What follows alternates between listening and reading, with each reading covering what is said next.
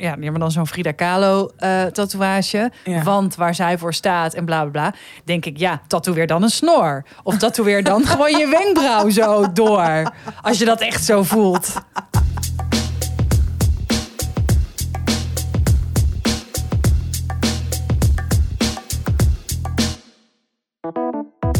Dag mensen en welkom bij de miljoenste aflevering van Tussen 30 en Echt Doodgaan. miljoenste. Echt. Zo voelt het wel. Vaak zeg je dat als iets heel kut is, toch? Oh, het voelt echt als de duizendste. Nee, maar het, ja, het voelt gewoon alsof we echt heel vaak opnemen. Maar dat is misschien ook omdat we nu een beetje zo in van die marathonnetjes aan het werken zijn. Ja, omdat iemand zo nodig Omdat naar Antwerpen moet. Iemand zo nodig weg moet. Ja. Omdat iemand zo nodig rust nodig heeft. Oh, oh, oh. Ja, maar ehm, nou, we zijn er weer. We zijn er weer. Na een mislukte levensvraag, Na- helaas. Na een mislukte levensvraag, ja. En naast Eh, mislukte. Tatjana. oh, het is mijn schuld. Nee, helemaal niet. Nee, ik wilde gaan vragen. eh, in wat voor staat treffen we je? Nou, Nou. Mm. ehm, ja, ik ben iets labieler dan normaal. Nog labieler. Ehm, nee, mijn relatie is uit.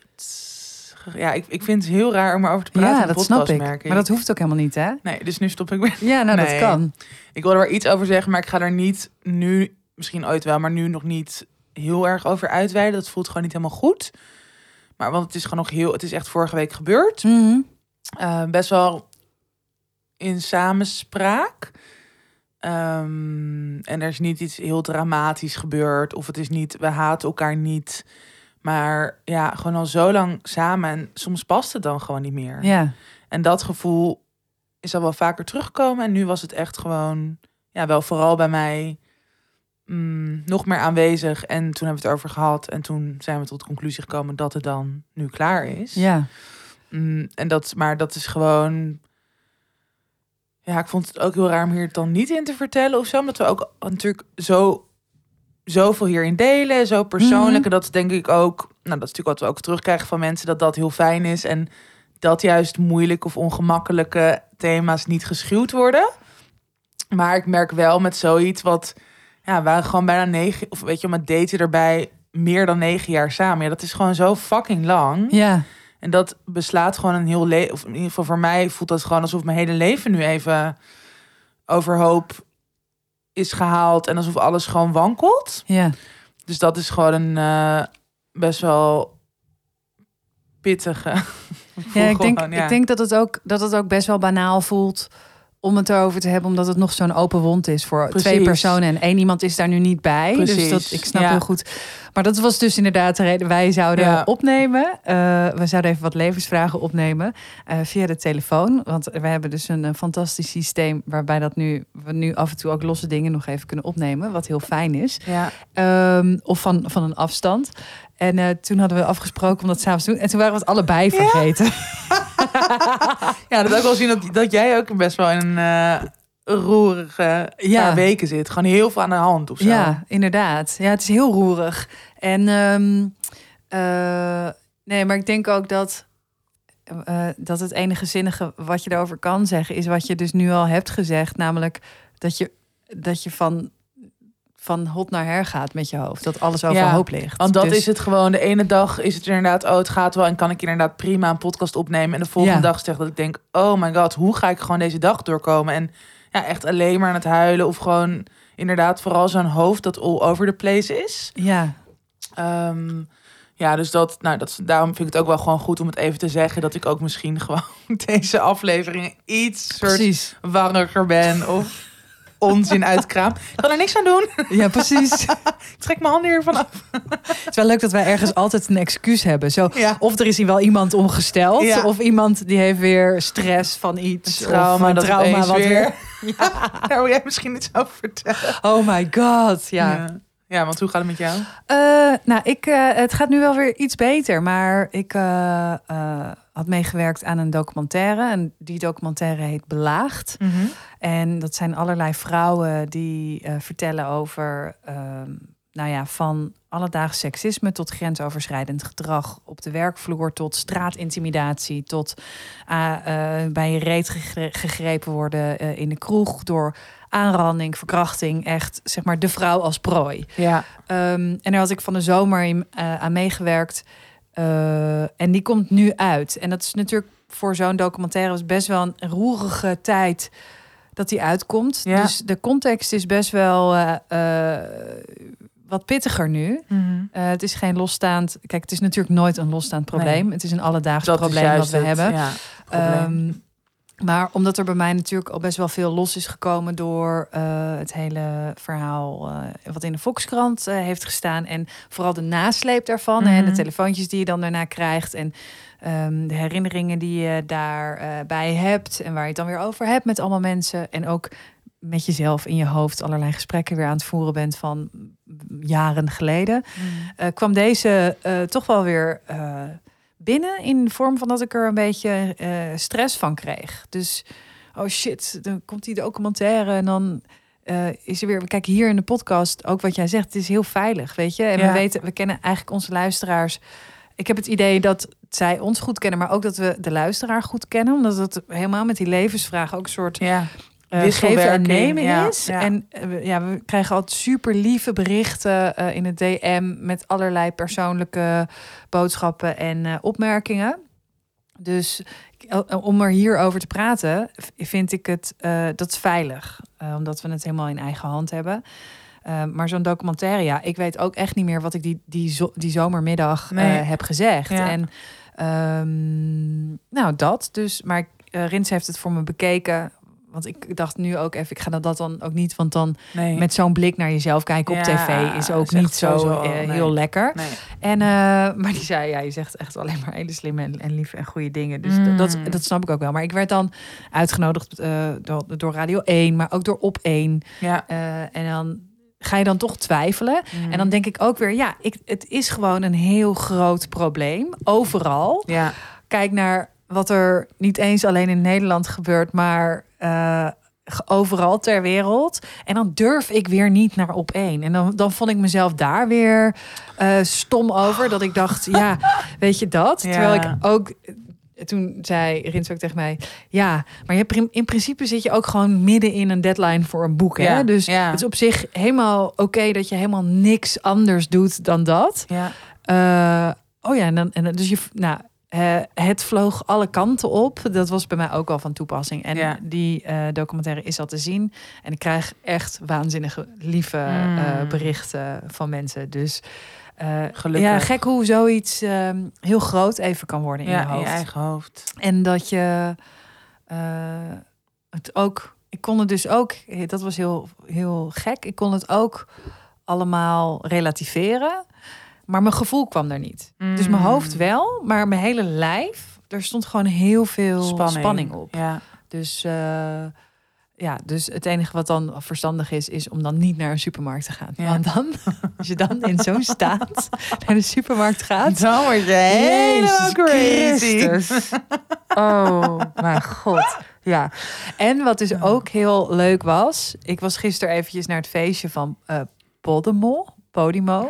Het podcastfeest. Het was hier eh, in de buurt. Mhm. En eh, dat er allemaal mensen naar me toe kwamen en zeiden... Hoe is het met Tatjana? Omdat ze Huh? waarschijnlijk op jouw Instagram hebben gezien... eh, Oh. Huh, jouw, oproepje. ja, ik kan wel allemaal Wat namen noemen. maar- dus ik zo... ja, dus ik ben gisteren een soort van jouw woordvoerder. zo, met vreselijk. Tatjana? Ja. Ook aardig, maar... ja, vreselijk aardig. Dat bedoel je. dat bedoel je. Je bedoelt wat vreselijk aardig van die Ja. mensen. Die... Thanks a lot. Thanks a lot. En hier zijn ze. Peoples. Ja. Dat is zo. Maar dat is toch ook dat je.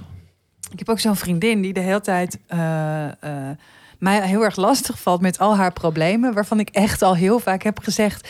Ik kan, ik kan je eventjes niet. Ik, ik ben niet met jou bezig met Ja. dit. En ze, het is gewoon even. Ik ben er gewoon even niet mee bezig. Het is echt even. Je moet me ook niet. Je moet me ook even stoppen met Ja, appen hierover. ja. Want het is gewoon niet.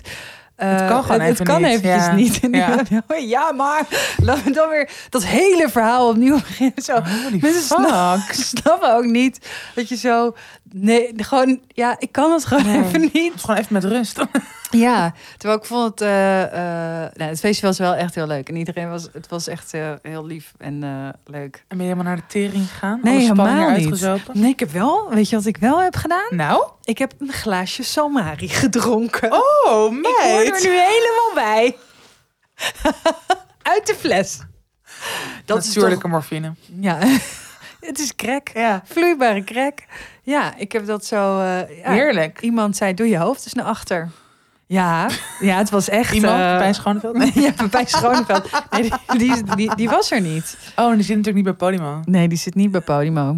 Ik ook niet. Nee, maar, ja, Ja, maar iedereen vroeg dus wel mij. Hoi, waar is Tatjana? En hoe gaat het met Tatjana? Zo ja. Nou, promoveerd. ja leuk dat je... Ligt een janken op de badkamervloer. Ja, heb ik tegen iedereen gezegd. Het gaat eigenlijk echt heel slecht met haar.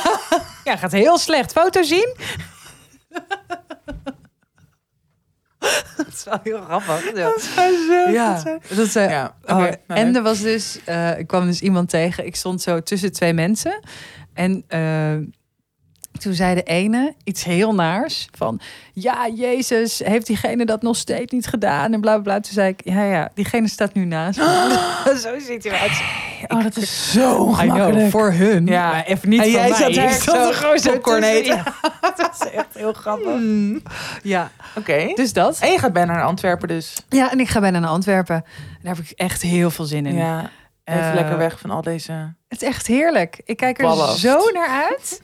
Ja, Ja. dus ehm, nee, verder heb ik eigenlijk niks te klagen. Behalve dat, dat alles gewoon, dat iedereen gewoon ons met rust moet laten. Ja, dat vind ik goed. Behalve als je iets aardigs te zeggen hebt, want dat kunnen we wel gebruiken.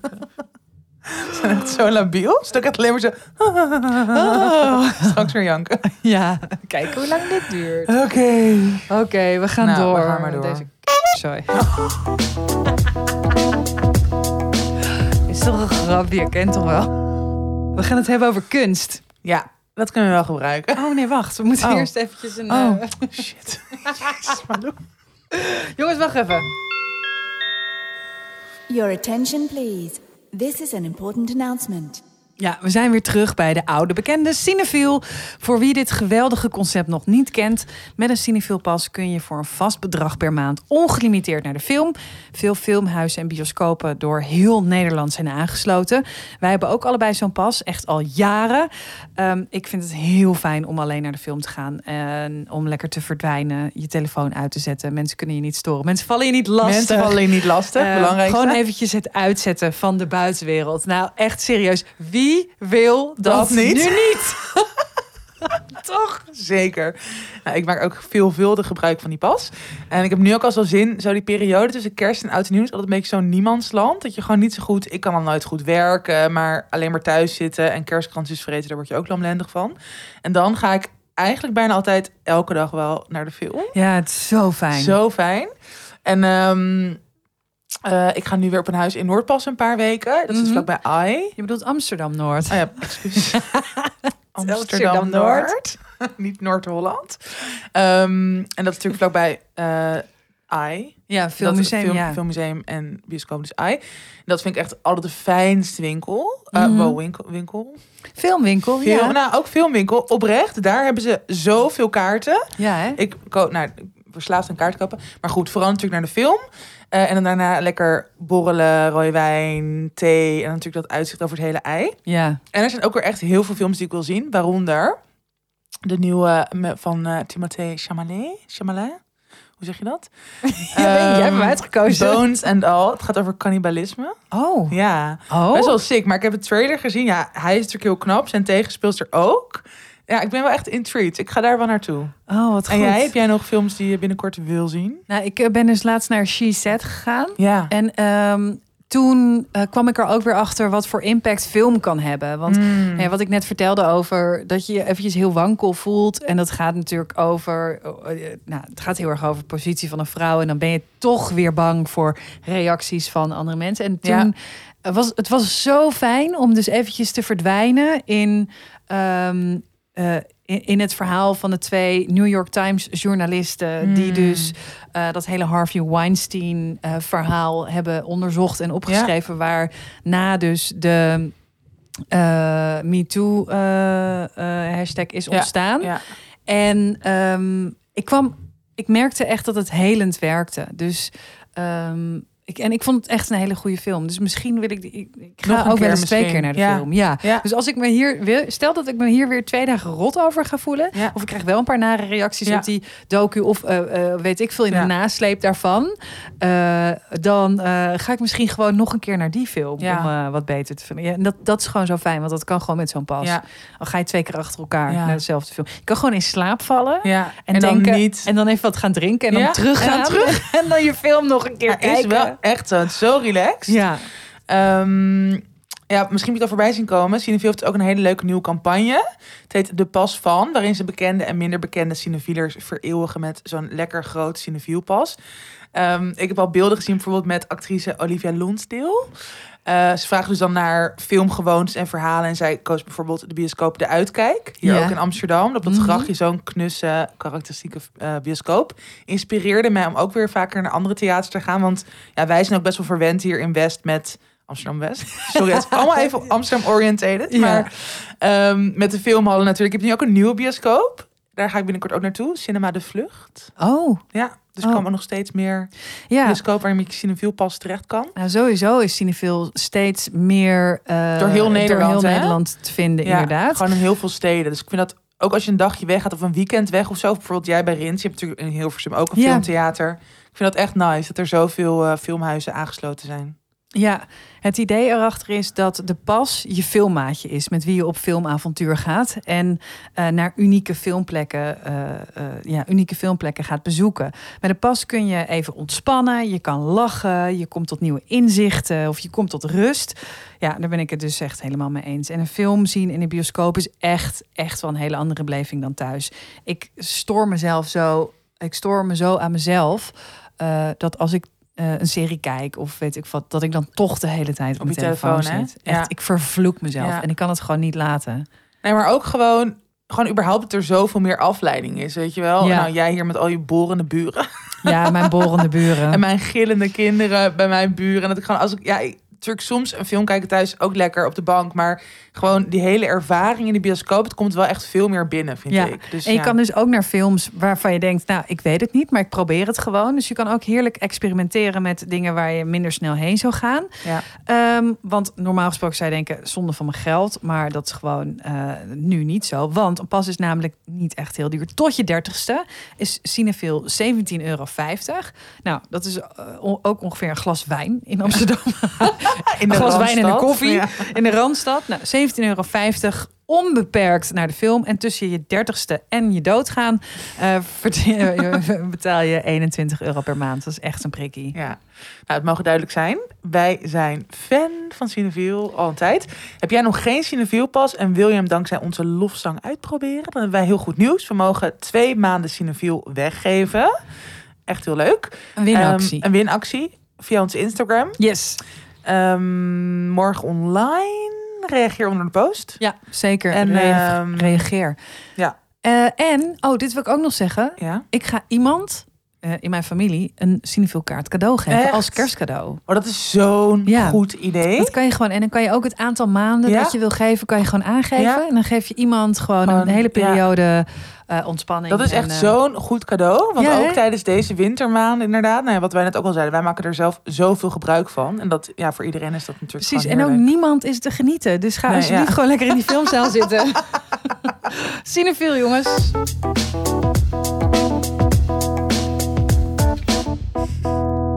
Oké, we gaan het dus hebben over We kunst. gaan het hebben over kunst. Ja. Ja, ja, Ja. ik vind het een heel leuk onderwerp. ja? Ja. Waarom?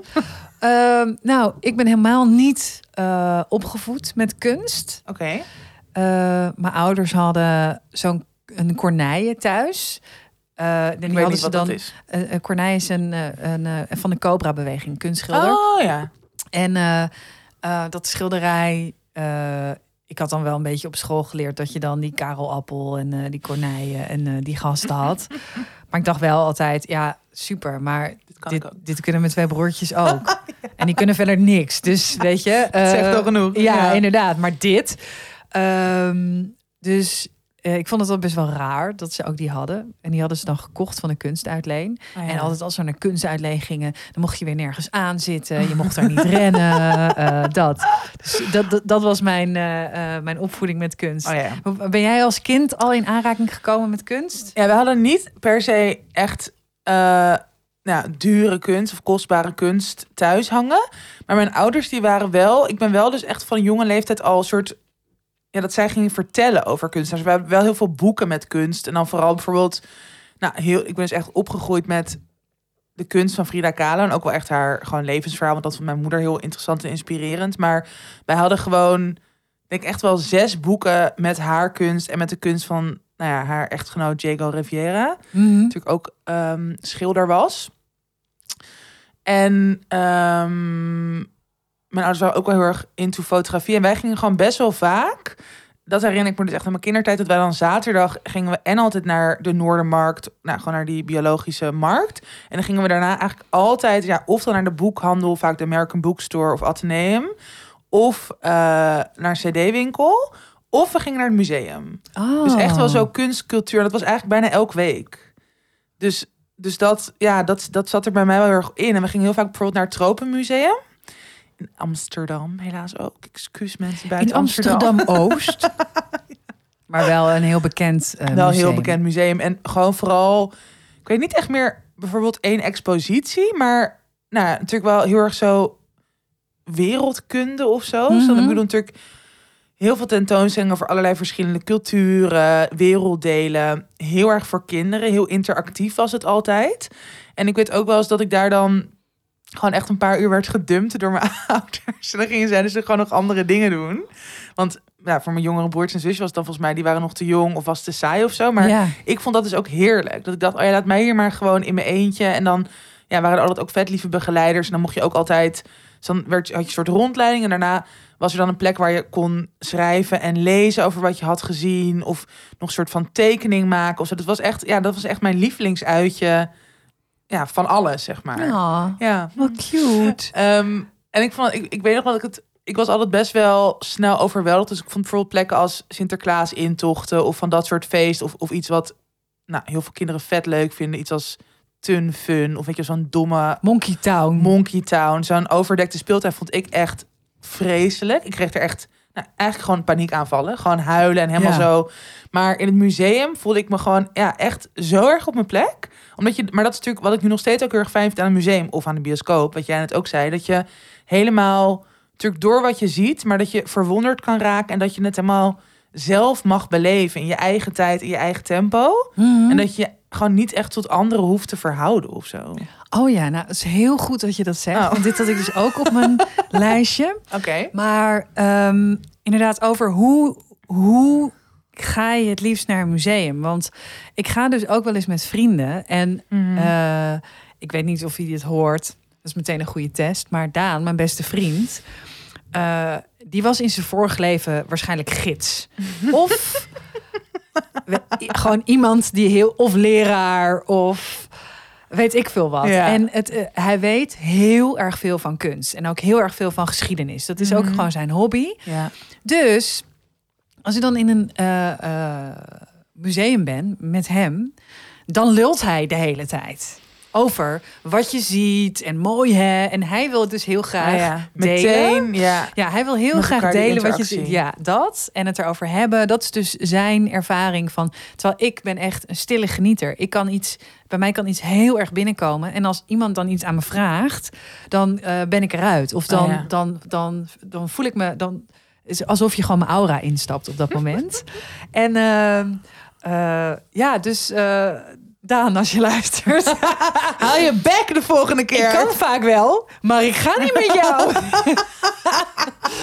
nee, dus, dus- nee, ik vroeg me af. Ja. Met, je hebt dus mensen en die vinden het heel leuk ja. om heel. eh, Ik heb meer vrienden hoor. Ik was met, ik ga ook wel eens met Carolien Borgers naar mooie tentoonstellingen en zo. Die kan ook heel goed dan ja, omschrijven wat ze ziet en wat ze erbij voelt en zo. En mij interesseert het dan Nee, helemaal niks. Mij ook niet. Ik, ik trek het ook niet.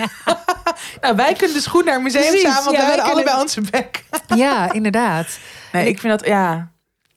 Ik vind dat inderdaad ook. Ik vind dat helemaal niet fijn. Maar ook omdat ik heb best wel vaak... Ik heb ook een, een eh, museumjaarkaart. En ehm, ik ga ook het liefst naar museum, zeg maar, naar een museum waarvan ik weet, oh ja, ik hoef niet per se één tentoonstelling te zien, maar ik heb gewoon bijvoorbeeld ook tijdens het schrijven, als ik gewoon niet goed, en wat jij volgens mij dus ook met bioscopen, misschien heb je dat ook met musea, Ja. maar dat als ik gewoon niet in een goede flow zit en ik wil gewoon geïnspireerd raken of ik wil, ik heb gewoon iets van soort input nodig, dan fiets ik gewoon heel graag even naar het fotomuseum hier in de stad of naar het stedelijk of naar het, nou maakt eigenlijk niet heel erg veel uit. Ik hou ook van heel veel verschillende kunst, maar dan om gewoon een beetje rond te lopen, Ja. neem ik ook altijd een schrijfboek mee en dan is wel voor mezelf gewoon al een beetje wat er Ja. dan in me opkomt of wat ik voel, maar ja, ik moet er echt niet aan denken om dat dan meteen met iemand te bespreken of zo. Want dan gaat er ook iets van de, ja, dat klinkt misschien een beetje verheven, maar iets van de magie weg of van Ja. wat jij net hebt beleefd of zo. Mhm.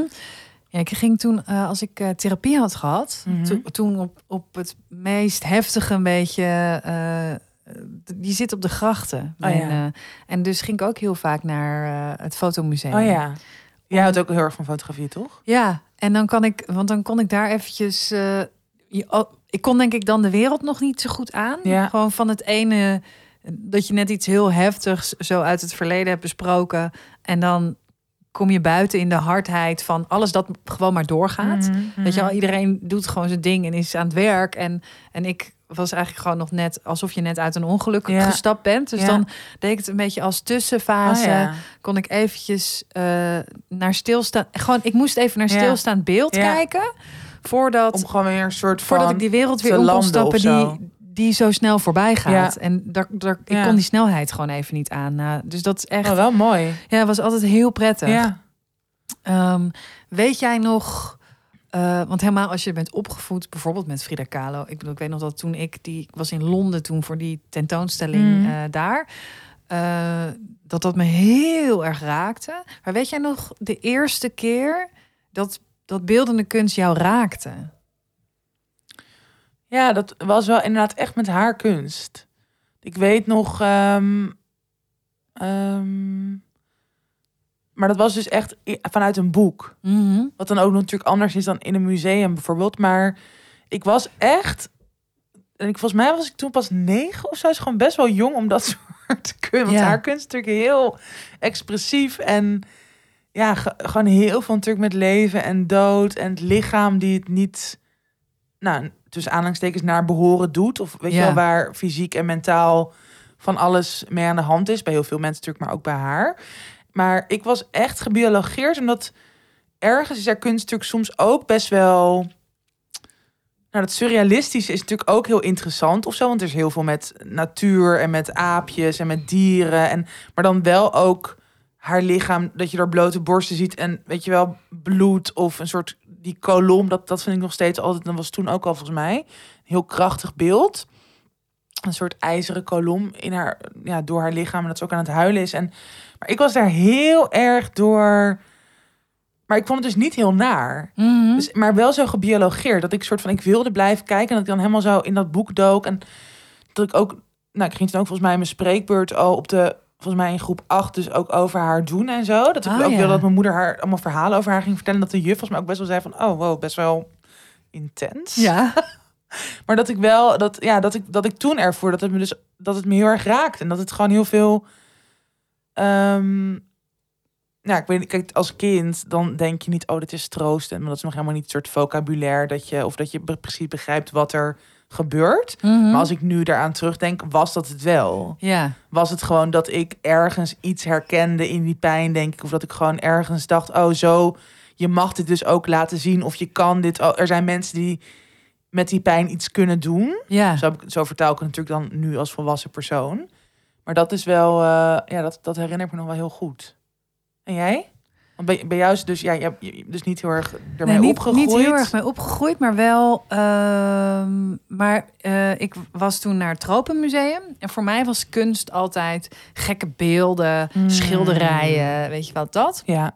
En toen kwam ik op een tentoonstelling over de dood. Hmm. En ehm, nou, dat was dus ook heel eh, interessant. Allemaal verschillende soorten kisten en rituelen en eh, dat soort dingen. Ja. Maar daar was ook een, ehm, een tentoonstelling met foto's. En daar eh, had een fotograaf had portretten gemaakt van ehm, hele oude mensen of zieke mensen. Hm. eh, net voor hun dood.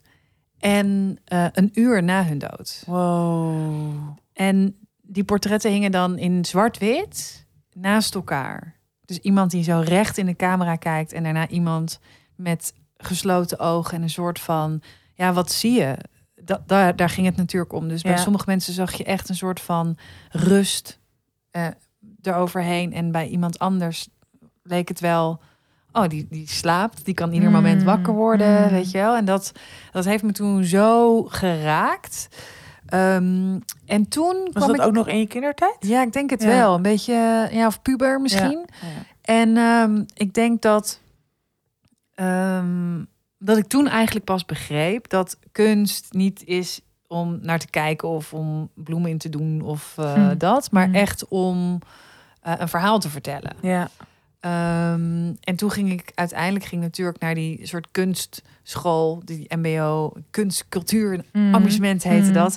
Eh, en ik kon natuurlijk niks. Tenminste, ik was helemaal niet muzikaal en ik kon ook niet. Echt, ik kon natuurlijk. ja, ik kon natuurlijk niet zoveel. Ehm, en, eh, maar je had, we hadden dus ook het vak beeldende kunst. En ehm één verhaal een keer daarover vertellen. Mm. Eh, het was een beetje zo 2006, geloof ik, 2006 of 2007. En ehm, ik.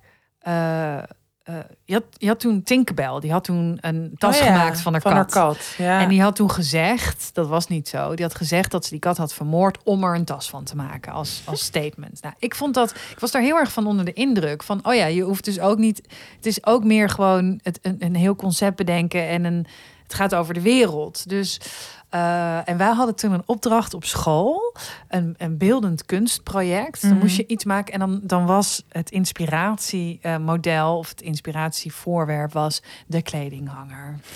En ehm, maar goed, we waren daar natuurlijk altijd alleen maar aan het eh, maken en aan het tongen. En eh, daarna een beetje naar de kroeg. Want we waren ook gewoon eh, in Amsterdam naar school. In plaats van in het boerendorp waar we net Oh ja. vandaan kwamen. Dus het was ook niet zo dat we daar heel serieus mee bezig waren. Dus dat we uiteindelijk, ik weet nog met wie ik dit deed, dit project. Deze jongen heette Nick Nuchter.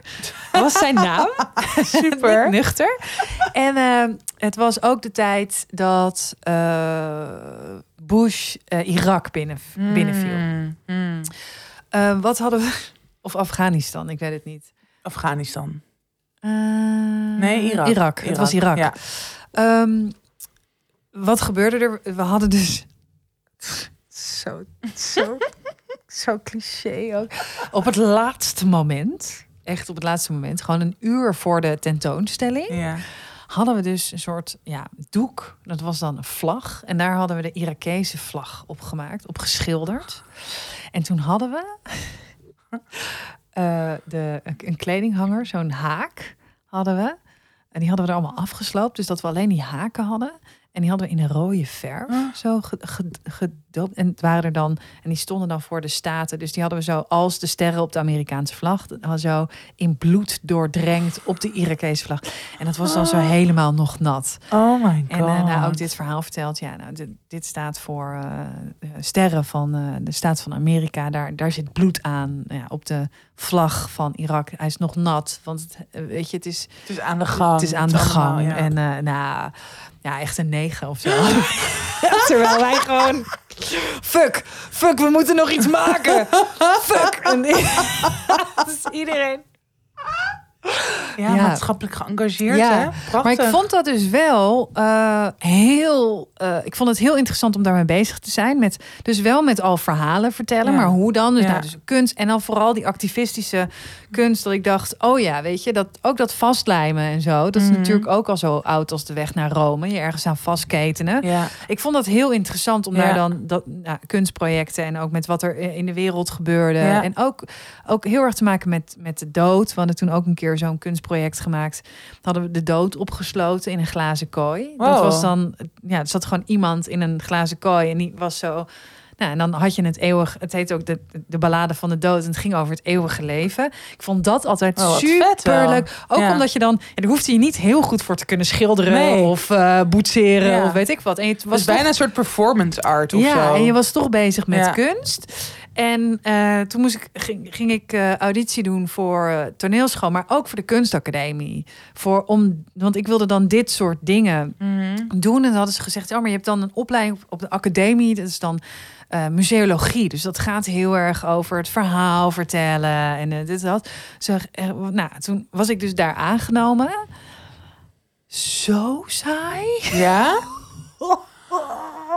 Omdat je daar gewoon helemaal geen Oh. vrijheid meer had om een soort zelf Ja, het was gewoon te creëren. of Nou, de ene gast was nog stoffiger dan de andere gast.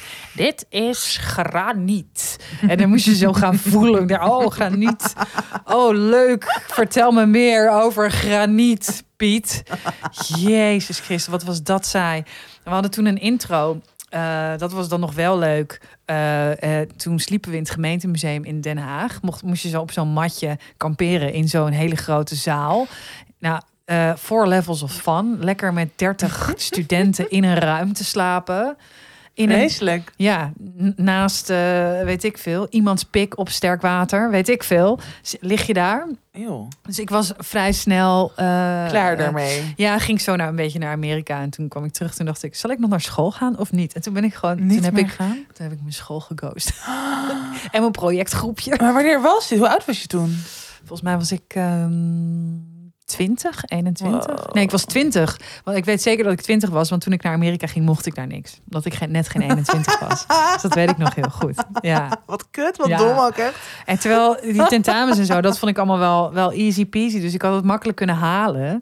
Maar ik had ook een soort romantisch beeld van... Ik denk ook een beetje van Charlotte van Sex and the City. Van, Ah, oh ja, ja. en dan ga Ja. ik zo allemaal hele mooie verhalen vertellen... en de wereld verbeteren met een eigen eh, Gallery. gallery. Terwijl je ook gewoon dan denkt... Mm, dat eigenlijk ook een soort van veredelde horecabaan. dus Maar vooral ook, eh, nou, ik denk ook eens moet beginnen. Maar en nu is er natuurlijk wel een beetje verandering aan het komen. Maar dat er gewoon de hele. Wat doe jij? Amateur. prima, is goed. Eh, nee. Het is jouw week. Nee, ga maar door. ja, ik er tegen iets aanzet. Ik nooit goed in de microfoon praten. Oh, wow, weer niet goed. Ja. Ehm, nee, maar dat gewoon de hele kunstwereld is natuurlijk, nou wat jij ook zegt qua docenten, maar dat is natuurlijk ook zo in musea.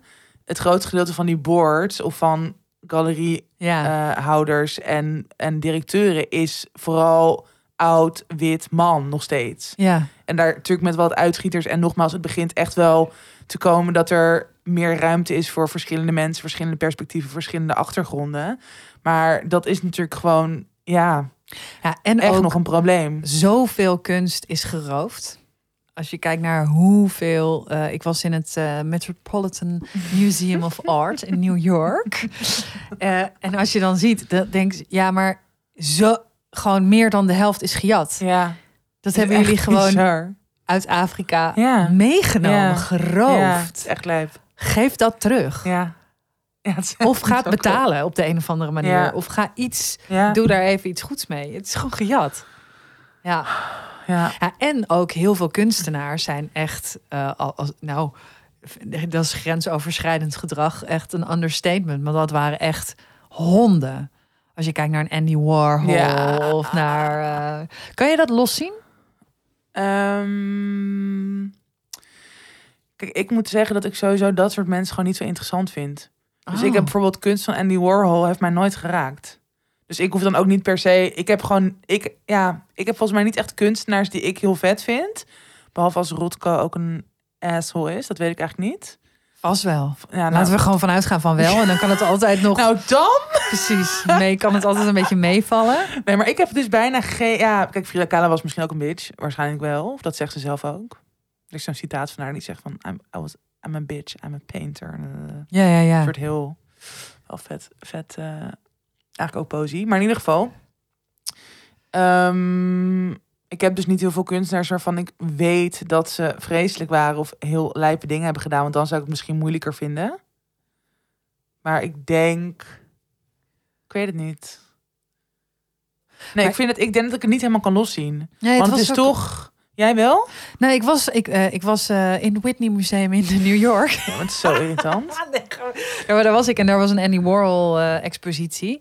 En toen dacht ik ook wel, Oh, Oké, dus deze gast maakt deze dingen. En niemand heeft toen der tijd Ja, gedacht... gedacht, hey, Deze guy. laten we de vrouwen om hem heen eventjes in bescherming nemen. ja. Want mensen, je ziet ook gewoon... Je, Ja. je ziet de error in, je- in iemands hoofd vaak. Ja, maar dat is natuurlijk wel, want dat is, zit er natuurlijk wel in heel veel kunst. Dat ik bedoel, dat is in Kalo's kunst ook. Of je ziet heel veel issues van mensen in Ja. hun kunst terug. Maar dat is natuurlijk ergens, ja, hangt er dus vanaf in wat voor gradatie. Maar dat vind ik juist ook het mooie en goede van kunst. Ja, Dat je een soort van door allemaal lagen van gêne, eh, ongemak, angst, schaamte heen gaat en dat wel tentoonspreidt. ja. Want natuurlijk, iedereen's mind is fucked up. En nogmaals, je hebt er gradaties in en sommige dingen natuurlijk helemaal niet nu dingen goed praten, maar ja, dat, dat is wel waarom kunst mij in ieder geval ook kan raken, omdat ik Ja. juist gevoelens van depressie of van eh, ja, onaangepastheid terug zie komen. Mhm. ja.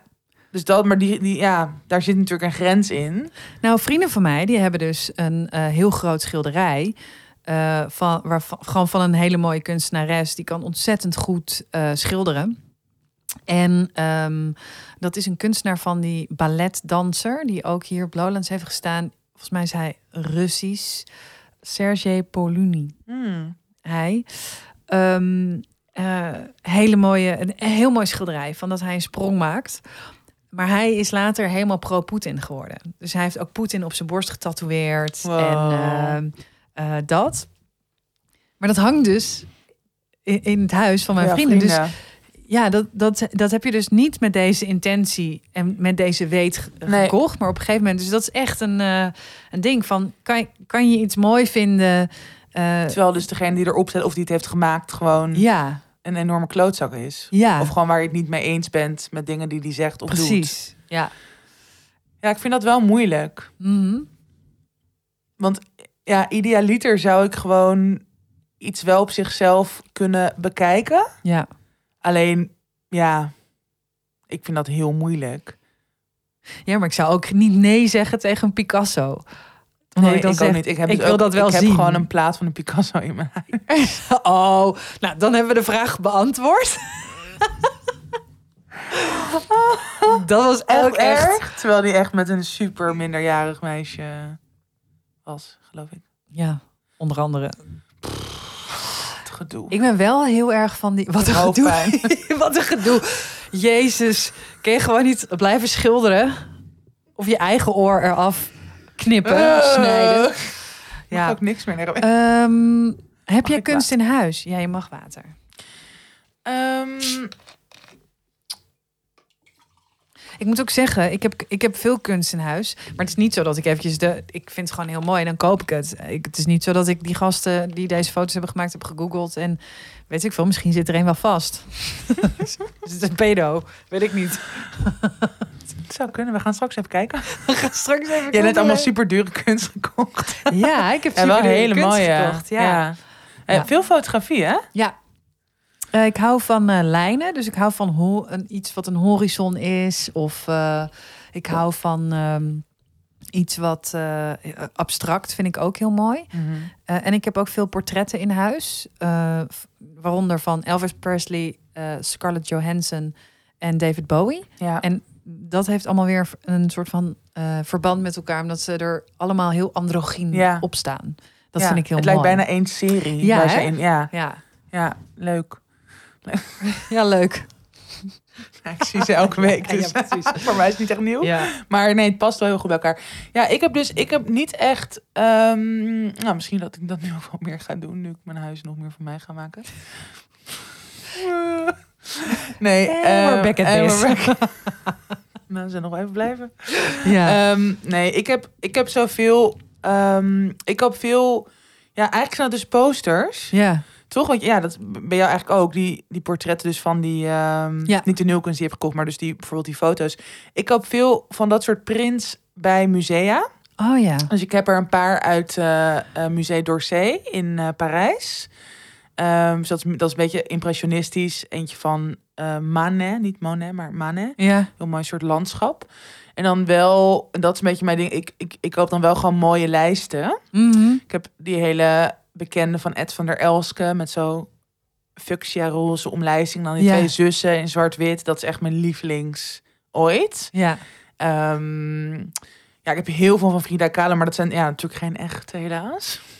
Maar zijn heel veel gewoon uitsneden, heel veel kaarten van haar. En wat vind je dan, want jij kent Frida Kahlo echt al vanaf je, eh, je jeugd. Ja. Dat, dat nu zo, dat je ook Fri- Frida Kahlo servetten kan kopen bij de Xenos. Ja, wel irritant. Ja, toch? Dat is toch, ja, dat is toch alsof iemand Frida Kahlo verkracht? Ja. Toch? Het is gewoon allemaal zo erg appropriation. En ook natuurlijk, ja, ik heb hier dus ook mijn scriptie over geschreven eh, eh, bij mijn eh, bachelor van de U- Ja. universiteit.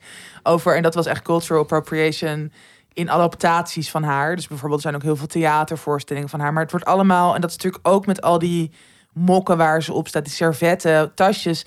Het is allemaal heel erg een soort geromantiseerd beeld. Ja. Waarin ze dus ook vaak witter is, minder wenkbrauwen heeft, geen snor heeft. Plus heel erg soort van, ja, ja, ze was echt badass, maar heel veel mensen kennen haar hele verhaal niet. Nee. En niet soort juist al die tegenstellingen en, en dus ook haar kunst niet. Terwijl daar ook gewoon zoveel in zit wat Mhm. nou ja, meer dan de moeite waard is. En ja, met zo'n servet, ja, het is gewoon een beetje... Daar vegen mensen gewoon hun bek mee af. Ja. Hè? Dat is ook fuck? ergens toch heel respectloos. Ja, En ik denk ook altijd, je hebt, eh, heb jij een Frida Kahlo tatoeage? ja. Oké, laat maar dit verhaal dan. Nee, vertel maar, vertel maar. Ja, Maar denk- ik vind dat ik er recht op heb. Ja, omdat jij. Nou, ik denk bij heel veel mensen dat zo, weet je wel, die, die zie je zo. Ja, die hebben dan zo'n Frida Kahlo eh, tatoeage. Ja. Want waar zij voor staat en bla bla bla. Denk ik, ja, tatoeëer dan een snor. Of tatoeëer dan gewoon je wenkbrauw zo door. Als je dat echt zo voelt. Tatjana. Oké, nou wie weet ik binnenkort eh, ook nog een snorretje erbij. Zo grappig. Laat met rust. Niet elke keer deze, deze kaart trekken. zo heel grappig. Ja, wat zou Frida Kahlo doen? Die zou zich graag klem gaan, klem gaan zuipen vanavond. Tequila, baby. Kijk, kijk. Kijk, inspiratie. Ehm, Ehm, hebben we nog iets te zeggen hierover? ik vind eh, ook, eh, dat vind ik dus ook, eh, ik ben ook een beetje een goedkoop, gewoon een goedkoop sletje. Want ik hou dus ook gewoon echt van de huistuin en keuken. Dat ik zo voor een Monet sta en dan betoverd ben. Terwijl ik dan zo de- tussen de toeristen met allemaal fotocamera's denk ik van ja, ik vind het toch echt heel mooi. Ja. Maar het is toch ook heel... Ja. Ja, Maar ik vind, volgens mij hebben wij dat allebei wel. Dat in potentie alles je kan raken. in potentie. Je- Dat Ja. zeg je toch zo? weet ik. Nee, maar het is zo kut. Je pest mij echt. Oh, impotent. Jezus. Oh. Ja, maar dat je dus... Kijk, je kan er wel meer voorkeuren hebben... of, of Ja. een paar favoriete kunstenaars of fotograaf. Nou, fotograaf is ook kunstenaar. Maar ehm, dat, ja, dat, ik heb dat ook. Ja. Dat, en ik hou ook dus heel erg van impressionisme... maar ik hou ook van surrealisme en expressionisme. Dat is natuurlijk ja, heel Mhm. ver uit elkaar ligt dat. En dan ook inderdaad moderne eh, fotografen of... Ja, maar dat is, toch, ja, dat is toch juist heel leuk. Ja. Dat gewoon alles, dat je dus ook echt verrast kan worden. Ja. En dan soms wel bij Meisje met de Parel ook in ah staan. Ja, Eh, jij fotografeert zelf. Eh, ja. Ja, eh Tatjana, eh dan heb ik een vraag over. ik heb een vraag. Nou, maak je soms foto's en dan als je ze later terugkijkt, kan je geraakt worden door je eigen werk?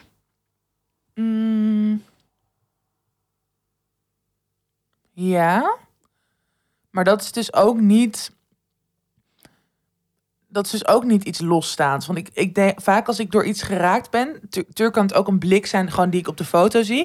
Maar het is ook omdat ik dan weer vaak naar een moment terug ga waar ik die foto heb genomen. En de connectie die ik dan vaak voelde met degene. Want het is eigenlijk wel altijd van mensen dan. Dat, dat is gewoon het liefst wat ik doe, mensen fotograferen Ja.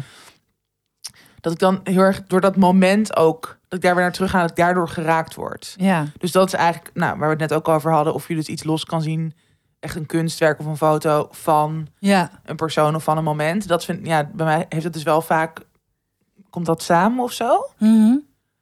Ik vind het wel heel, ik wil daar ook wel echt, eh, want dat vind ik dus heel erg fijn aan kunst, dat best wel vaak op momenten dat ik gewoon niet echt de woorden kan vinden. Of het nou gaat als ik aan het schrijven ben, maar ook in gesprek. Of dat ik bepaalde gevoelens gewoon nog niet zo goed kan beschrijven of zelf niet zo goed weet hoe dat zit. Mhm. Dat daar voor mij heel erg, en dat kan ook muziek zijn, maar dat, dat kunst daar dan een soort van rol in speelt om mezelf beter te begrijpen of Ja. een situatie. En dat, ik vind het dus, ik vind het heel jammer dat ik geen beeldende, of ja, wel de fotografie, maar dat zit voor mij ergens een beetje tussenin of zo. ja. Ik zou het echt heerlijk vinden om, dus als er nu, weet je wel, hier een doek zou staan, dat ik gewoon dan een soort, Dat je iets kan maken. ja, dat je echt iets met je handen in het moment en gewoon. Dat, Ja. dat je een leeg doek hebt en dat opeens dan, weet je wel, dat het dan gevuld is. En dat je gewoon, dat wil ik in het volgende, in de volgende leven zou ik echt beeldend kunstenaar willen zijn. hoe gênant is het? Iedereen kent wel een tante of een vriendin Ja. die dan zo'n hobby heeft en dat veel te serieus neemt. Dat is echt Oh. heel gênant. Ja, dat is echt gênant. ja. En die dan zo dat aan je geeft van, ja, ik heb iets, ik heb iets voor je gemaakt. Dan denk ik, ja, Heb jij dit? Ja. misschien. Wow. Ja, nee, ik Nee, geef maar- niemand ja. in mijn, in mijn inner circle. Ik zou dat heel ongemakkelijk vinden. Ja. Ja, maar ik had zo'n moeder die dan eh, eh, opeens weer was er beeldhouwer Oh, ja. of dan weer eh, ik weet ik veel, zat ze dingen te filten Ja, of zo, oh ja. donderop. Ja, Ja, wel lekker troep. therapeutisch. lekker therapeutisch, ja, maar voor andere mensen daar niet mee Ja, lastig. nee. Ja, goed punt. goed punt. Oké, Oké, la- laten we door. doorgaan. Your attention, please. This is an important announcement. We zijn weer terug bij een oude bekende of een nieuwe bekende of gewoon een, een, een huidige bekende. Blossom Books. ja, ik dacht eventjes een Heel beetje freestylen. Ja. Lekker. Deze uitgeverij geeft veel boeken uit waar wij fan van zijn. En nu het feministische, en of het nu feministische sprookjes zijn of boeken die inzicht geven over mentale gezondheid, zoals eh, het geval in de serie Hoofdzaken. Vandaag gaan we weer een boek tippen die het goed zou doen onder de kerstboom. Ja, nou, de feestdagen komen er obviously aan. Ja, zin in. Ehm, zin in. erg veel zin in. Daar gaan we het volgende week wel over hebben. Maar ehm, nee, en eh, een beetje open deur. Maar naast schrijver zijn wij ook vervent lezers. Ja. Dus een boek doet het altijd goed onder de kerstboom, wat ons betreft. En vandaag staat er ehm, ja, wel echt een goed belangrijk boek centraal. Van iemand die wij allebei kennen. Vriendin van de show, kunnen we ook wel zeggen. Titia Hogendoorn. En haar boek Hoe ik van mijn rijangst afkwam. Ja, ehm, We Love Titia. Een boeken dat inderdaad, eh, nou, dat wij allebei nodig hebben. Ja, dat denk ik ook. En het is echt een boek waar je de rest van je leven iets aan kunt hebben. Want ruim 10% van de mensen met een rijbewijs heeft last van rijangst. Zodanig dat ze amper zelf achter het stuur zitten. Eh, auteur, actrice en podcastmaker Titia Hogendoorn had hier tot voor kort ook heel veel last van. Totdat ze besloot dit aan te pakken. Haar stok achter de deur werden vriendinnen, haar vader, haar volgers op Instagram en haar einddoel zelf met de auto naar de IKEA kunnen. Goals. Goals, goals. Eh, voor het oog van duizenden Instagram-volgers kwam ze van haar rijangst af. En hier schreef ze een boek over. Ja, ik herinner me wel die filmpjes. Die eh, staan nu ook nog in haar hoogtepunt op haar eh, Ja. Insta-profiel. Ja, dat je, je zag gewoon al die fases voorbij komen. Zo angst, stress, zweethandjes, maar ook de doorbraken. En toch steeds weer opnieuw achter dat stuur gaan zitten. Ehm, ja, dus kijk die stories vooral als soort leuk interactief eh, materiaal. En dus ook motivatie, denk ik, voor heel veel mensen. Eh, ja, jij hebt zelf... Kan je iets vertellen over jouw ervaring met rijangst? Ja, ik ben heel bang in het verkeer. Ehm, en ik heb wel rijlessen gehad. Maar eh, eh, op een gegeven moment hebben mij... Ik heb verschillende rijinstructeuren gehad. En die hebben gewoon gezegd... ehm, het zit er gewoon voorlopig niet in voor jou. Mm. Want het autorijden gaat heel goed, zolang het goed gaat. Maar als jij schrikt, dan duik ik weg en dan doe ik mijn handen voor mijn ogen. Wow. En het geeft mij vooraf zo ontzettend veel stress. ja. Eh, ik kan er echt nachten wakker van liggen. En je ruikt, het is ook echt dat angstzweet in de auto. ja. Ja. Ehm, eh, plus, wat dus wel een beetje zo is, ik, voel, ik voelde me altijd heel erg eh, alleen en dom in de auto. Omdat ik het niet, omdat ik dacht, waarom kan iedereen dit en ik niet? Ja. Waarom is dat? Hoe, hoe, Ja. wat is er mis met mij? Ja. Dus dit boek is, ehm, eh, ik heb het en ik heb er ook wel eens in gelezen. Dus het was voor mij ook al. Ik, ik weet niet of ik ooit nog het ga proberen of ik het mag proberen. Eh, maar ik vond het sowieso heel fijn om daar stukken uit te lezen en ook om die filmpjes te kijken, omdat ik Ja. dacht, oh, zo voel ik me en ik ben Ja, dus niet, alleen. Ik ben niet de enige. Gewoon echt die gek- herkenning voelt. Gek die dat dus niet kan. Nee, Ja. ja. En Nou, jij? Ik heb geen rijbewijs en ook echt nog nooit rijlessen gehad. Maar dat, nou, dat komt deels omdat ik gewoon liever lui dan moe ben. Nee, hier. Maar dat ik gewoon denk, ja, Amsterdam, nou, niet de hele tijd in ieder geval een auto nodig. Maar het komt ook wel uit angst voort. Ehm, en ik heb ook al een deel uit het boek gelezen. En het geeft me zeker moed voor als ik wel ga beginnen met die lessen. Nou, mijn voornemen is dat om dat wel komend jaar echt te gaan doen. eh, in 2023. Wat ik fijn vind aan het boek is dat het niet... e- Het is niet echt een zelfhulpboek waarin Titia pretendeert alle antwoorden te weten. Maar ze bagatelliseert de angst en onzekerheid. Of ja, ook niet. Dus ze neemt het ook heel erg serieus. Ehm, en ze geeft fijne, bruikbare, toegankelijke tips. Deelt haar eigen ervaringen. Ehm, en bijvoorbeeld ook hoe ze haar angst helemaal heeft uitgeplozen. Eh, en hoe belangrijk het is om gewoon echt de fijne, goede omstandigheden voor jezelf te creëren. Waardoor jij wel deze angst aangaat en wel achter het stuur gaat zitten. Eh, om, ja, irri- zij noemt het irritant veel. Dus niet lekker veel, want dat is wat mensen dan zeggen. Ga Ja. gewoon lekker veel rijden. Maar zij zegt nee, je moet irritant veel rijden. Ja, het is irritant, want je Ja. bent nog bang. Maar dat is natuurlijk uiteindelijk wel de enige manier om van die angst af te komen. Dus veel kilometers te maken. Ja. Maar zij coacht je eigenlijk wel in dat boek door ja, dus vooral haar eigen ervaringen te delen, om dat eh, ja, wel meer te gaan durven, denk ik. Ja, het is echt heel erg goed dat het boek er is. En Ja. ik denk dat heel veel mensen hier hulp aan kunnen hebben om van hun angst af te komen. En eh, in dat geval fluitend het verkeer eh, te trotseren in de auto. Ja. Hoe ik van mijn rijka- hoe ik van mijn rijangst afkwam, is een grappig pamflet vol humor en zelfspot. Met handige lijstjes, interviews met andere rijangstigen en praktische tips om zelf je rijangst te overwinnen. Yes, en wij mogen wederom een exemplaar weggeven op onze Instagram. Echt heel leuk. Ehm, dus eh, ja, check onze pagina de komende dagen. Dan komt die online, dan kan je reageren onder de post. Waarom jij zou moeten winnen. Of iemand die je kent, die kan je dan taggen. Ehm, en eh, als je dit boek wilt tippen aan iemand anders... of het alvast zelf wil kopen of als je niet hebt gewonnen... check www.blossombooks.nl en daar vind je alle info.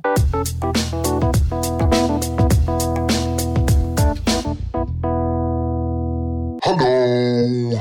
Gezellig weer hoor. Een nieuwe Fuck, Mary Kill voor jullie. Het zijn deze keer bekende Freken. Het gaat om Freek Vonk, Freek van Suzanne en Freek en Freek Bartels. Gekke naam hè, Freek. Doei! Doei! Allemaal freekies. Freekies. Oké. ehm, Ik neem even Snoepie. Jij mag beginnen. Oké. Ik zou wel willen trouwen met Freek Bartels. Ja, ik vind hem ehm, heel sympathiek overkomen. Hij kan goed zingen. Nou ja, een andere Freek ook, weten we. Maar ehm, die vind ik irritant. Oeh, spoiler. Nee, ja, volgens mij is hij gewoon heel, heel leuk en grappig en gezellig. En dat lijkt me een prima huwelijkspartner. Behalve dat hij gay is, maar ja, het leven. Ehm, en ik zou wel seksen met... ehm, Oh, ja, wow, met wie zou ik willen seksen? Ja, misschien toch Freek Vonk. Hoewel ik hem ook irritant vind, maar kijk, ik... ik vind gewoon bijna iedereen irritant, dus dat is ook niet echt iets nieuws. Maar ehm, ik sportte een tijdje met hem samen in een gym. En hij maakte echt fucking veel lawaai als hij dus gewoon hard aan het, zeg maar, iets zwaars aan het liften was. Oh, wat irritant. Echt zo. huh, huh. Gewoon echt zo, alsof hij een soort Van ja, een dier was. Ja, nou ja, figures. Ehm, maar ja, dat lijkt, me, ik, het lijkt me dan toch grappig om een keer met zo iemand een sexy die dus waarschijnlijk gewoon fucking veel lawaai maakt. En hij is volgens mij, ja, nee, ja, wel Heel benieuwd. dierlijk. Heel dierlijk, volgens mij ook wel sterk. Dus ja, nou, wel benieuwd. En eh, ja, die andere freekvriend ook, ja, ik kan daar gewoon niet zoveel mee. Met die liedjes die zij maken en zo. Het is allemaal zo Maar zij moeten toch uit elkaar? Dat Nou, is toch... Ik, kan, want dan, ik dan, geloof eigenlijk niet dat zij. Ja, ik, ik vraag me dus soms af of zij echt, echt samen zijn. Ja. Denk je, of, of bijvoorbeeld dat zij nog seks hebben? Het is allemaal zo erg een soort. benieuwd wat jouw antwoorden gaan zijn. Zo erg een act of zo voelt het. Oh ja? Mm. Ik vind het juist geen act, want het is zo saai. Het is zo saai. Muziek is saai. Dat gewoon weer gezeik. En van Freek Vonk denk ik dat hij een heel vies huis heeft. Weet je waarom? Al die zo'n slang in zo'n eh, aquarium, terratarium, terra- t- tyfus, weet ik veel hoe je dat noemt. Dat, is, dat stinkt. Eeuw. Dat is echt heel vies. Ik kende iemand die had een slang thuis. En het stonk in huis gewoon naar fucking muffe... Ja, waarschijnlijk gewoon een slang, maar Eeuw. Oké. dat? Nou, hij mag alleen bij mij thuis komen. Ja, dat kan nu. Zoen. Eeuw. Nog een snoepje. Nou, sloep je naar je bek gooien. Eh, ik zou eh, even kijken. ik zou zeker trouwen met Frank Bartels. Ik vind hem fantastisch. Mm, ik vind hem ook heel knap. Ja, sorry. Doe zoen. Doe zoen gepraat. Mm, Oké, heel knap, oké. Ja, vind ik heel knap. Ja. Ehm, sorry, dat deed ik even. Ja, nee, ik vind hem heel knap. mens. Echt een vies mens. Eh Freek Bartels vind ik heel knap. En ik vind hem heel aardig. En ik vind hem heel getalenteerd en heel grappig. Dus dat. Eh, ik zou eh, seksen met eh, Suzanne en Freek. Of ik bedoel met Freek. Trio. Ja. En dan zou ik het laten lekken aan live of Yvonne. En dan, dat ze dan uit elkaar gaan. En dat ze dan, of, of dat ze bij elkaar blijven als duo. Maar liedjes gaan maken over hoe erg ze elkaar haten. Een soort van Fleetwood Mac-achtige situatie. Misschien wordt het dan wel interessant. Dat het dan, volgens mij Ja. worden die liedjes dan heel leuk. Ja, Van- veel gelaagder. Ja, inderdaad. Ehm, ja, een soort... eh, You're welcome. We ja, hebben even jullie eh, Ja, carrière opgepimpt. Ja, precies. Gewoon van die wraaknummers. Ja. Weet je? ja, maar jij moest er zo nodig met haar neuken. Eh. Ja, blauwe dag. Ja, oké. En eh, wie blijft er dan over? Ja, die, die gast met zijn vieze huis. Ga, eh, Mijn sekspartner bedoel je? je? sekspartner, ja. Oké, nou. Silly. Ja, precies. En dan kunnen die dieren weer vrijgelaten worden. Het zijn wilde Nobel dieren. van je. Je bent toch weer weer zo'n Ja. moeder Teresa I vibes? know. Ik ben gewoon, eh, weet je, ik maak de wereld gewoon een stuk beter met onze Fuck, Mary Kill. Oké. Oké. Ja, door. gaan we door? Tips. Tips. Tips in samenwerking met Mohi. Eh, Mohi is een slow media platform, een social media waar je ons kan volgen. Je kan elkaar volgen. Je kan allerlei leuke, interessante mensen volgen. Ja. En die delen meer tips, boeken, podcast, muziek, eh, Films, documentaires, films, documentaires. long reads, alles. Alles wat je kan bedenken. Dus volg Tatjana Almouli of Malou Holshuizen. Eh, want eh, daar eh, laten we weten wat wij lezen, zien en horen. Ja. Wat is jouw tip? Mijn tip is ehm, niet iets nieuws, maar wel gewoon een enorme klassieker. Mijn favoriete album, wow, meest favoriete album aller tijden. Blue van Johnny Mitchell. Ah. Ja, ja, het is ook wel. Kijk, het is ook de staat waar ik nu in ben. Maar ik heb sowieso. Ik vind het ook echt een winteralbum. Ja, Natuurlijk dat nummer River is ook. Coming Home for Christmas. Ja, dat is gewoon die. Mhm. Dat is een stukje uit lyrics. Dat, dat is gewoon die sfeer. En ik heb het zo. Nou ja, afgelopen week heel weinig gewerkt. En toen moest ik een paar dingen gewoon zo s'avonds inhalen. Want ja, freelance live, deadlines, alles. Mhm. En ik vond mezelf heel zielig dat ik dan zo s'avonds nog aan het werk was. En dat ik gewoon kaarsjes aan en dat, dat album op repeat. En dat, ja, dat, dat trekt me dan wel gewoon doorheen. Want zij, zij heeft natuurlijk zo'n soort engelachtige stem. Die liedjes zijn zo mooi, zo melodieus. En de, de, de songtekst nou over gelaagd gesproken, dat is natuurlijk, dat is dit, ja, dit album, het, is gewoon, het is gewoon geweldig. Dus Ja. het is ook soort, het is bijna één lang gerekt nummer of zo. Het sluit allemaal zo erg bij elkaar aan. En nou, dus dat, ehm, daar, daar zit ik nu middenin. En ik denk dat wel meer mensen dat misschien fijn vinden om dat eh, de komende periode weer eens wat vaker aan te zetten. Ja, Dat is helaas niet meer op Spotify, want zij heeft op een gegeven moment iets met rechten of met een soort boycott van, weet niet meer wie, ze dacht, de tyfus maar. waarschijnlijk. Er En verdienen terecht. veel te veel mensen aan mijn muziek die er nooit aan hebben meegewerkt. Ja, dus eh, maar op YouTube heb je dan zo eh, dat je gewoon zo'n full al- album kan intikken en dan krijg je gewoon haar hele album. Dat het gewoon liedje achter liedje gewoon Ja. gespeeld wordt. Dus dat is echt super. En ik krijg een tip van eh, Is dit een tip in een tip? een tip in een tip, Tip van een andere podcastster, eh een van de mediameiden, Tamar Bot heet ze denk ik. Sorry, ik weet de achternaam niet, maar Tamar van Mediameiden. Ja. Die, eh, eh, die zei van, oh ja, je kan via iTunes kan je het voor iets van 10 euro kopen en Ja. dan heb je het gewoon zelf en dan kan je het ook weer op je telefoon zetten en gewoon tijd luisteren. Dus dat is nog een tip in een tip. Als Een je dit ook wil gaan luisteren, de hele winter lang. ja, En jij? ik eh, tip het boek waar ik nu eindelijk aan toe ben gekomen en wat ik luister. Want lezen is voor mij nu een beetje te intimiderend. Eh, Engel en Kanarie. Kinari van eh, Dido Michielsen. Hmm. Eh, ik heb eh, heel lang geleden podcast gelezen, Lichter dan Ja. ik, getipt. Dit is het vervolg van Lichter dan ik. Je kan Hmm. het ook alleen lezen.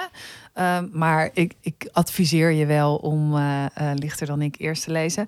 Ehm, en het, ja, het is weer een historische roman over Louisa, een Indo-Europeaans meisje in buitenzorg. Dat Mhm. heet nu Bogor, Java, rond 1895. En als pleegkind wordt Louisa op haar dertiende uitgehuwelijkt. En dan verlangt ze er heel erg naar, eh, naar te weten wie haar biologische moeder is. Hmm. Ehm, nou, als je lichter dan ik hebt gelezen, dan, dan weet, je, weet je dat. En eh, ja, ik, ik eh, ben helemaal weer meegenomen in dat verhaal, in die familie, in haar drang.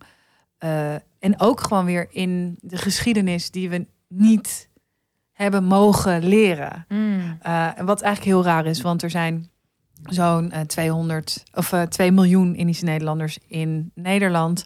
En het gaat over waar, wij, waar de Indo vandaan komt. Ja. Dus de, eh, eh, de Njai, de voormoeders eh, van ons, die nooit een, een naam, een stem hebben mogen hebben, nooit Ja. hebben mogen bestaan Ja. eigenlijk. Daar gaat het over. En dit gaat dus eigenlijk over. eh, dus lichter dan ik gaat over, eh, over zo'n voormoeder. Mhm. En ehm, ja, eh, Engel en Canarie gaat dus over de, de kinderen daarvan. Dus hoe dat doorspeelt. En Ja. het is nou wederom prachtig geschreven. En het is ook echt. Je bent echt even helemaal weg. Je bent Mm. echt in een andere wereld, in een andere tijd. En ze, ze schrijft zo mooi, eh, omschrijvend, eh, beschouwend en, en grappig ook. Ja, dus Wat goed. Ik, eh, ik, ik kan het echt iedereen aanraden. ja. Oké, Dus dat- nice. Oké. Oké. Een luisteraarsbericht. Een luisteraarsbericht. Ja, gaat een beetje over kerst. Hallo. Ik zit momenteel niet zo lekker in mijn vel en ik heb vrij veel depri slash weemoedige momenten. Binnenkort is de jaarwisseling weer daar en iedereen schijnt daar wild van te zijn en kijkt er enorm naar uit. Ik daarentegen wil liever onder een steen kruipen tot heel dat opgeklopte gedoe voorbij is. Mijn vriendinnen willen heel graag een, een etentje organiseren en daarna dansen. Sommigen met partner, anderen zonder. Maar ik heb daar dus niet zoveel zin in. Mijn vriend heeft wel zin om iets te doen, maar wil niet gaan zonder mij en me ook niet achterlaten. En heeft geen andere plannen. Ik wil hem niet teleurstellen en durf dit ook niet goed eerlijk toe te geven aan de groep. Wat kies ik? Hoe blijf ik dicht bij mezelf zonder dat er partijen teleurgesteld zijn of dat ik dingen tegen mijn zin in moet doen? Ik kijk uit naar jullie visie. Warme groetjes. Oh, ik ken dit zo goed. Ja? Ten eerste is zijn oud en nieuw feestjes. Dan moet het gebeuren. En om middernacht is het magisch. En, maar je staat altijd ergens op een kutfeest, net in de rij, eh, eh, te wachten. Schiet er weer iemand een, een vuurpijl onder je jas. Eh, je bent op een huisfeestje waar ze smerige drank hebben. Eh, dat soort dingen. Dus het is nooit, het, is niet het feest van het jaar, van het jaar, van het jaar. Het is, alles moet daar gebeuren. En het moet godverdomme gezellig zijn. En Ja. dat, dat is gewoon niet. En ik, Bij mij wel hoor, maar oké. ja, bij jou is dan wel. Nou, ik ben, ben heel benieuwd hoe gezellig het bij jou gaat zijn. Nee, maar ik denk gewoon dat. Nee, dit is wel vaak zodat net zo met Koningsdag of zo, mijn verjaardag. Ja, eh, dat soort van op die momenten, inderdaad, dat is wel waar jij zegt, gewoon heel erg dat geforceerde van dit moet Ja. de allervetste party worden. En vaak is dat niet zo. nee, maar inderdaad. het heeft ook wel heel erg te maken met verwachtingen. Ja, zeker. Ik eh, zou gewoon tegen je vriend zeggen: Ja, ik weet niet wat jij doet, maar ik ga gewoon, eh, ik wilde zeggen naar de videotheek en een hele stapel DVD's. nee, maar ik zou gewoon, en, en ja, zie maar of je zin hebt in dat etentje. En, maar je kan ook alleen gaan eten en denken: Joh, en daarna eh, haak ik af. Ja. Echt geen zin in de club. Nee. En dan maak je het gewoon gezellig met Ja. je vriend. En als hij wel iets anders wil doen, eh, ja, of zoek je eigen vrienden of ga met iedereen mee. Ja. ja, ik dacht ook nog misschien, eh, want ik herken ook wel dat je, eh, dat je dus niet iemand wil teleurstellen. Ook juist omdat als hij wel zin heeft om iets te doen, dan is het misschien toch al dat jij je, als je dan samen thuis zit, dat je je dan of schuldig voelt. Of dat hij misschien ook wel zegt van, oh ja, hmm, ik had toch wel eigenlijk iets anders willen doen. Ja. Maar dat ik dacht, oh ja, misschien heb je wel een vriendin of een vriend. Of gewoon iemand in je omgeving, je broertje, zusje, whoever. Die ook wel zin heeft om gewoon inderdaad op de bank films te kijken. En die ook niet helemaal in de mood is. Want ik denk dat best wel veel mensen ja, dat denk ik ook. eh, dat hebben. Ehm, dus daar zou ik misschien eerst naar kijken. Of er niet gewoon iemand anders is die meer op jouw level zit. En dan gewoon tegen je vriend zeggen van... Kijk gewoon, weet je wel, of jouw vriend iets gaan doen. Of als hij dus niet echt andere plannen heeft... of ook niet echt een aansluiting vindt... ja, dan is dat ook gewoon meer zijn eigen keuze. Ja. Dat hij daar dan... Maar dat is dus... Ik zou proberen om het een beetje te verleggen van jezelf. En ook heel erg... Behalve als je dat dus heel kut vindt... om dan eventueel in je eentje te zijn. Ik weet wel dat Lisbeth Rasker... ehm, volgens mij vorig jaar of het jaar daarvoor... best wel een lange post hierover heeft geschreven. Dat zij best wel vaak met oud en nieuw... het in haar eentje ging vieren. Of in ieder geval meerdere keren. En dat ze ook in die post... dus heeft gezegd wat dan kan helpen. Oh, wat En goed. dus ik zou die misschien ook even terugzoeken. Dat is dus volgens mij gewoon van een jaar geleden. Moet je gewoon even per Insta scrollen.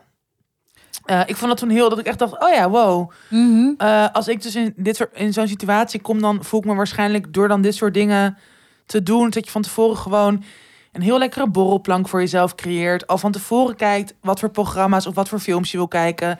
Misschien even je Instagram-app van je telefoon gooit, zodat je gewoon niet altijd geconfronteerd wordt met mensen die wel op feesten staan. Weet je, dat je gewoon Ja. echte omstandigheden voor jezelf heel lekker creëert. En dat je dan ook van, van tevoren voelt van, oh ja, wie wil ik daar het liefste bij? En dan diegene vragen. En dan is het natuurlijk alsnog de keuze van die andere persoon Ja. of die dat wel of niet wil. Maar ja, dat zou ik denk ik doen. Of, of je kan ook gewoon lekker weg met je vriend. Gewoon lekker, een weekend weg of zo. Lekker een leuk hotel. eh, of eh, misschien een, eh, een, een vreemde stad waar je gewoon om 12 uur eventjes buiten een rondje loopt. Samen lekker een glaasje champagne drinkt. En Ook een goeie. dat. Ja, Ja, ik vind de vluchten is altijd één goede optie. ja, vluchten is het. al- Vluchten. eh, Met dit soort dagen in ieder geval wel. ja, Ja, man. maar dat hoeft het altijd. Maar ik. eh, Ja. Oké. Dus- Ja. Maar voel je vooral niet verplicht en helemaal niet naar je vrienden.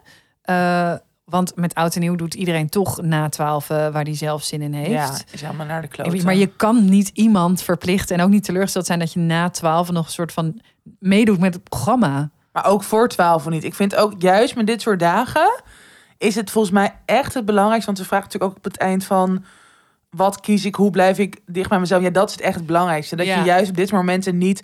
Want kijk, dat is altijd een beetje stom te zeggen, maar mensen hebben het ook zonder jou leuk. Ja. Of niet, of ze hebben het al zonder jou kut, omdat het ook dus een lastige avond, nacht is. Ja. Maar uiteindelijk maakt het gewoon niet heel veel uit of je erbij bent. En gaat het volgens mij er echt heel erg om dat jij naar jezelf luistert. vind je heel goed. Oké. Dat was hem weer. Ehm, tussen 30, tussen, tussen 30 en doodgaan at gmail.com. Eh, voor samenwerkingen.